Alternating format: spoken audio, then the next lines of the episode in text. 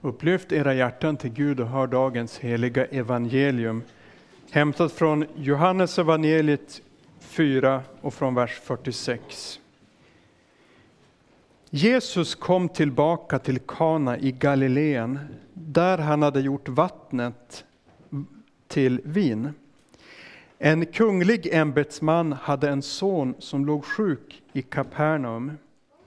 När han fick höra att Jesus hade kommit från Judeen till Galileen gick han till honom och bad att han skulle komma ner och bota hans son som var döende. Jesus sa till honom, om ni inte får se tecken och under tror ni inte. Ämbetsmannen sa, Herre, kom innan mitt barn dör. Jesus svarade, gå, din son lever. Då trodde mannen det ord som Jesus sade till honom och gick. Medan han ännu var på väg möttes han av sina tjänare som berättade att hans son levde. Han frågade vid vilken tid han hade blivit bättre. Och de svarade, igår vid sjunde timmen släppte febern. Då förstod fadern att det hänt just vid den tid då Jesus sa till honom, din son lever. Och han kom till tro med hela sin familj. Detta var nu det andra tecknet som Jesus gjorde sedan han kommit från Judeen till Galileen. Så lyder det heliga evangeliet. Lovad vare du Kristus. I Faderns och Sonens och den helige Andes namn. Låt oss be. Herre, vi ber, öppna ditt ord för våra hjärtan. I Jesu namn. Amen. Att spetälska var en hemsk sjukdom för Naman, det är ju lätt att förstå. Han var ÖB i landet, överbefälhavare, en duktig krigsman, men hade spetälska. Men så hade han fått höra från en tjänsteflicka som de hade erövrat en gång i Israel på plundringståg att det fanns en profet som kunde bota. Och så tände det ett hopp och han reste de 20 eller 25 milen eller vad det nu blir från Damaskus och ner till Samaria. Han hade nu, som man säkert gör om man får förväntningar om att kunna bli botad, han hade liksom gått och, och, och fantiserat om hur det här skulle gå till när han skulle bli botad. Han tänkte att han kommer nog att röra med handen över, över eh, området där det är sjukt och han kommer att åkalla Guds namn och så vidare. Så han hade liksom det i tanken. Så kommer de, stannar utanför dörren och profeten Elisa, han kommer inte ens ut och hälsar. Han bara skickar en tjänare som säger Gå och doppa dig i Jordanfloden sju gånger så ska du bli ren. Och då blir Naman jättesur. Och han vänder om i vrede och säger just det här, jag hade ju tänkt att han skulle komma ut, åkalla Herren sin Guds namn och föra sin hand över det sjuka och så skulle jag bli frisk. Och så for han iväg och säger liksom, han, han tycker väl också att själva idén att man skulle kunna tvätta bort en sjukdom, och det i Jordan, är bizarr. Om det finns, här finns några läkare här inne, om någon kommer med en eh, hudcancer och så får ni höra att jo, jag fick det här tipset av en annan läkare att jag skulle tvätta mig sju gånger i Umeälven så skulle det bli bra. Så skulle både läkaren och personen tycka att men det är ju absurt. Man kan inte tvätta bort sjukdomar. Och det här var inte alls vad han hade tänkt sig, så han, han, han blir rasande. Han har stort hopp, blir frisk, men han pallar inte höra den här idiotiska förslaget eller, eller eh, så att säga löftet han fick. Så han åker tillbaka, eller på, beger sig tillbaka, men då är det en, en av hans tjänare som har fått, där har orden väckt tro. Och han går fram till honom och säger att om den här profeten hade sagt att du skulle göra någonting svårt, nog skulle du ha gjort det då. Hur mycket mer borde du inte göra när han har sagt någonting så lätt? Bara tvätta dig så blir du ren. Och så väcker ändå dessa ord som tjänaren citerar profeten.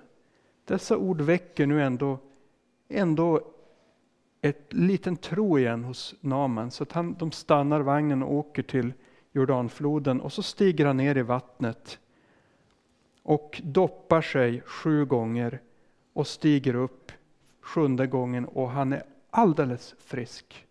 Hans hud är så fin som en ung pojkes, står det. Hur kall som profeten än hade varit, eller tycks ha verkat när han inte ens kom ut till honom. Hur förnedrande det kändes. Som översebefälhavare är man nog van att bevisas respekt. Och nu kom han från ett kanske starkare rike än Israel och så kommer han ner och så ids profeten inte ens öppna dörren och gå ut och säga hej. Nu använder jag inte Bibelns ord, han iddes säkert, det var inte det som var saken här. Men för Naman kändes det så, här kommer jag, överbefälhavare, han kan inte ens komma ut och säga hej. Han kände sig förnedrad, han tyckte att förslaget också var dumt. Men nu var han ren på grund av dess, detta konstiga löfte. Och han konstaterar att han nu vet att det inte finns någon annan Gud än Israels Gud.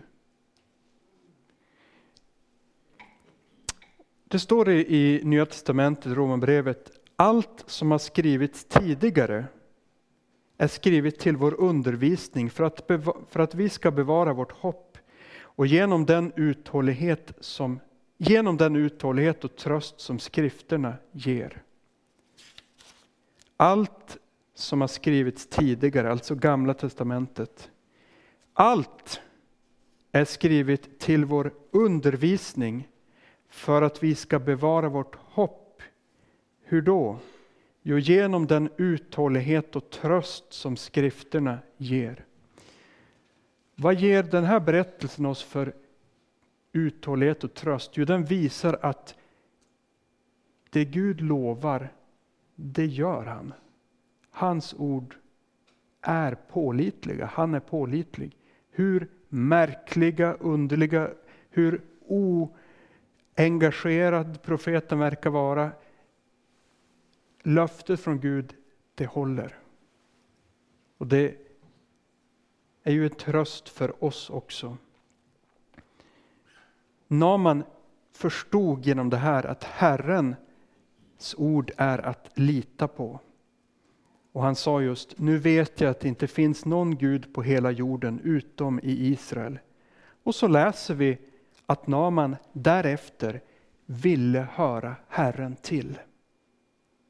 Han lät tydligen resa ett altare där uppe i Syrien där han skulle kunna få åkalla, eller han ville ha med sig jord från Israel för att liksom ha med sig lite av Israel till Syrien för att åkalla Herrens namn från och med den dagen.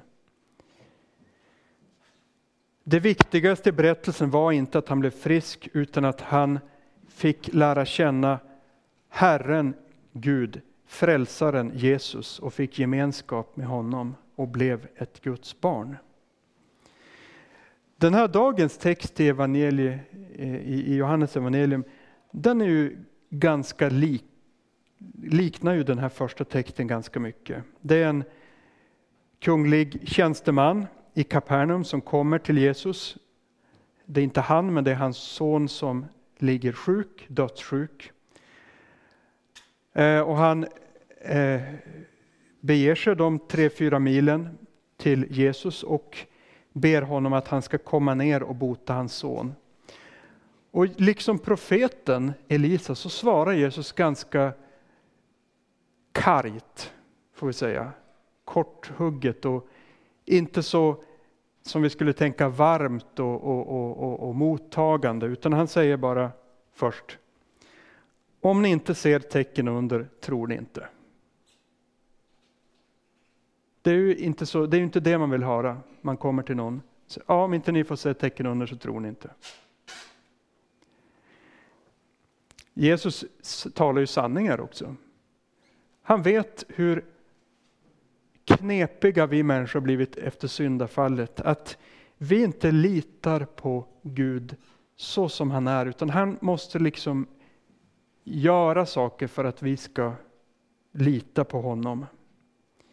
Vi kränker så att säga första budet bara genom hur vi, vårt hjärta är funtat. Vi avkräver liksom skaparen tecken för att vi ska tro på honom. Och det är väl egentligen djupast sett en slags hädelse, att man inte vill visa förtroende för, för, för Gud, skaparen, med annat än att han ska bevisa sig. Men just därför kom Jesus också för att sona vår synd, för att vi skulle få förlåtelse också för första budets brott, att vårt hjärta inte är mot Gud som det ska. Även det grundsynd. Det skulle Jesu blod också täcka över. Som det står, Jesu Guds sons blod renar från all synd. Det lägger sig liksom över vårt hjärta och täcker över, förlåter allting. Gud har riktat alla krav på, som skulle ställas på vårt hjärta, det har han riktat på sin sons hjärta. Och sonen har gett sitt liv i lösen för oss och på det sättet gjort oss fria från lagens krav om frälsning. Och så kan Gud se till oss i nåd fastän vi saknar allt.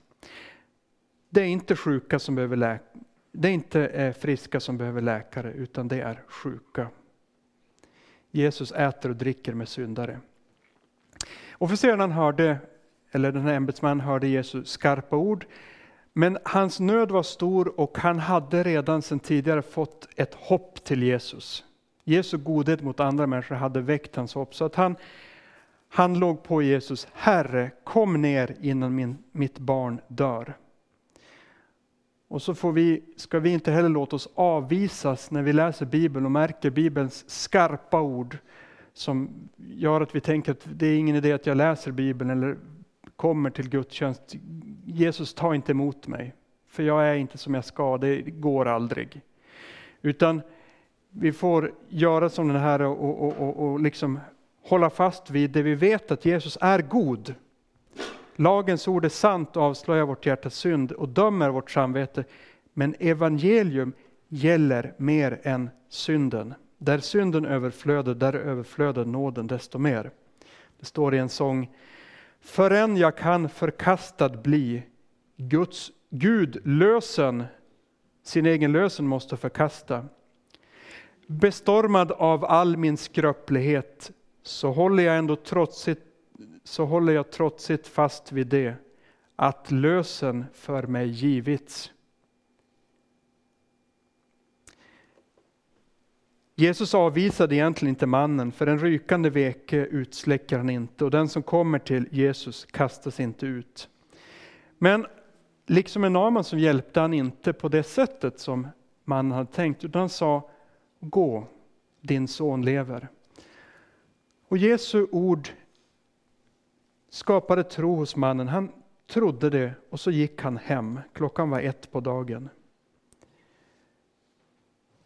Och när han kom hem så fick han veta att sonen var frisk och han fick veta att det hände klockan ett igår. Det vill säga när Jesus, just när Jesus sa gå din son lever. Och så på det här speciella sättet att bota, för Jesus hade ju kunnat följa med mannen hem och lagt händerna på och gjort så. Men nu visar han ännu mer. Han bara behöver säga, gå din son lever. Han behöver inte ens gå dit, som profeterna ändå ofta brukar göra. De brukade ju kanske gå dit. Och så. En, finns ju, ja. Men Jesus visar han en sån makt att han inte ens behöver vara på plats. Han kan bara säga, gå din son lever. Och det visar den här tjänstemannen att oj, Jesus är verkligen Gud. Och så står det att de kom till tro. De här berättelserna får också lära oss att lita på Guds ord. Mitt i det att vi inte känner och ser, eller mitt i det att vi inte upplever, så får vi lita på att, att det stämmer. När vi till exempel hör avlösningens ord, dina synder dig förlåtna, så får vi gå på de orden. Utan att ha känt någon varm känsla eller utan att ha sett någon förändring hos oss, så får vi lita på de orden. Gå, din son lever. Och sonen levde just från det ögonblicket. Det slutar i glädje.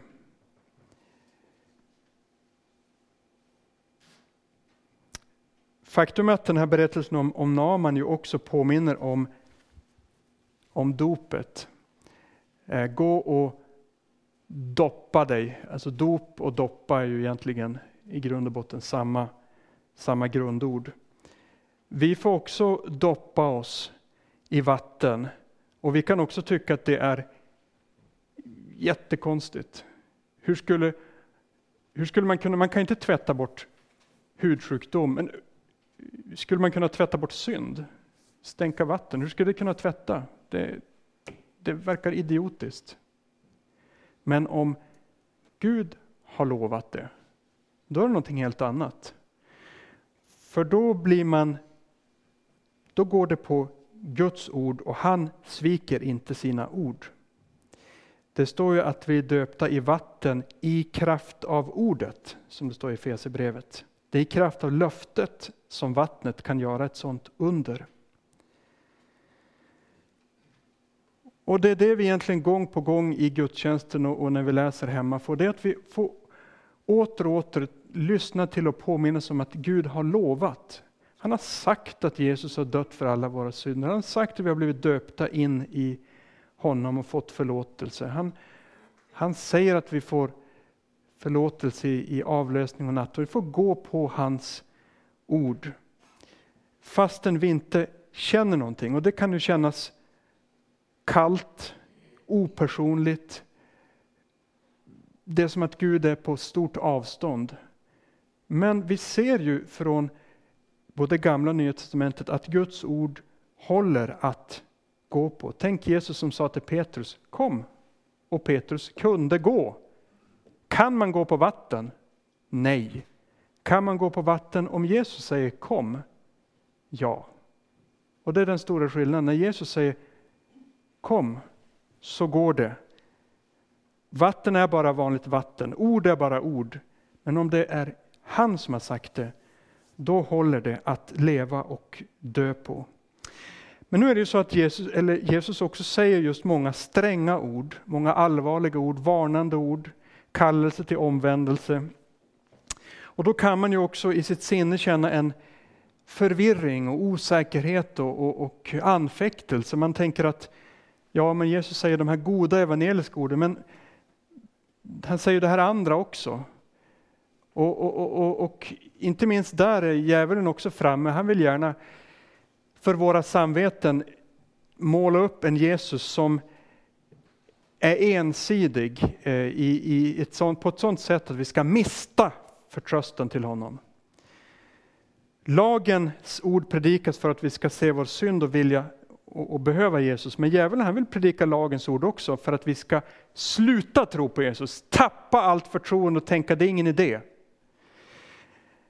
Eh, och så kan djävulen i vårt samvete ta någonting som Jesus sagt och upprepa, upprepa, upprepa för att göra oss bara förtvivlade så att vi ska tänka att det är ingen idé. Jag, jag, jag släpper kristendomen, jag köper en flaska sprit och dricker mig full istället. Det är ingen idé. Luther skriver, det är anklagarens list att han inte framställer Kristus hel och hållen, utan endast framställer en del av honom.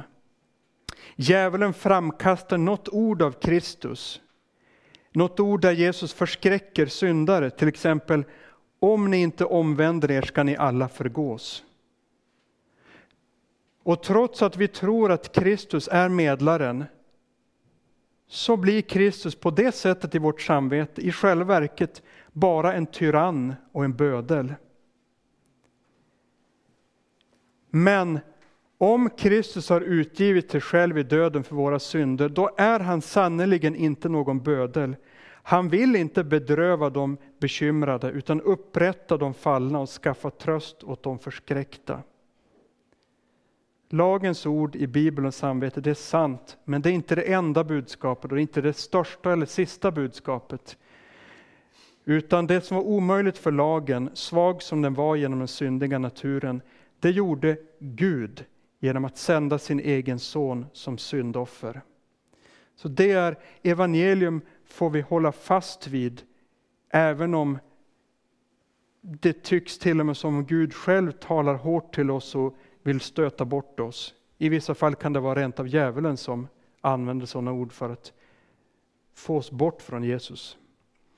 Det står i en sång, eh, och jag citerar lite där, Lär mig att vila i klyftan, din öppnade sida. Visa att för mig du uppfyllt Guds lag. Och när mig fienden söker förvilla, viskande hemligt, din synd är ju kvar.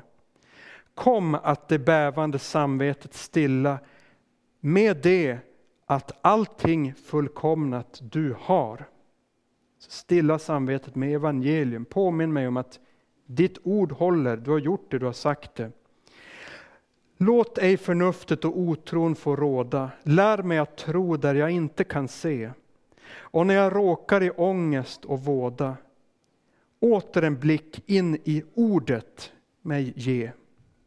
Medan de växlande stunderna ilar, håll mig vid makt med ett levande hopp och låt min ande vid korset få vila medan det dagas och solen går upp.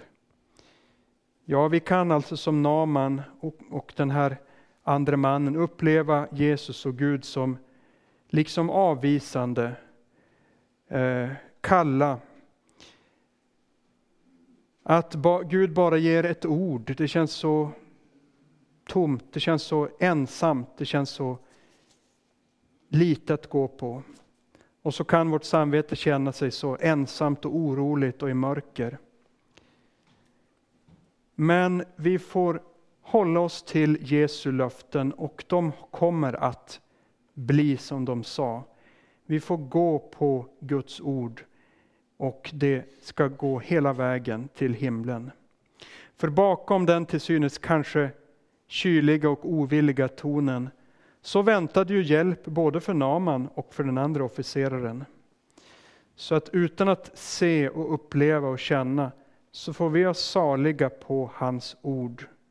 Han kan pröva oss, men han vill oss inte illa, utan han vill vår frälsning och han ger den till oss. Och som Jesus sa till lärjungen Thomas, du tror därför att du har sett mig, men saliga är de som inte har sett, men ändå tror. Jesu ord håller. Dina synder är dig förlåtna. Herren Jesu nåd vare med oss alla. Amen. Ära vare Fadern och Sonen och den helige Ande, så som det var av begynnelsen, nu är och skall vara, från evighet till evighet. Amen.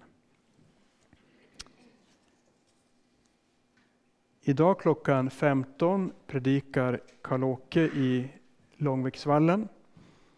På fredag är det junior och eh, eh, juniorgrupp och, och fredagsklubb på Fridhem halv sju. Och nästa söndag predikar Gunnar Åström om Gud vill och vi får leva.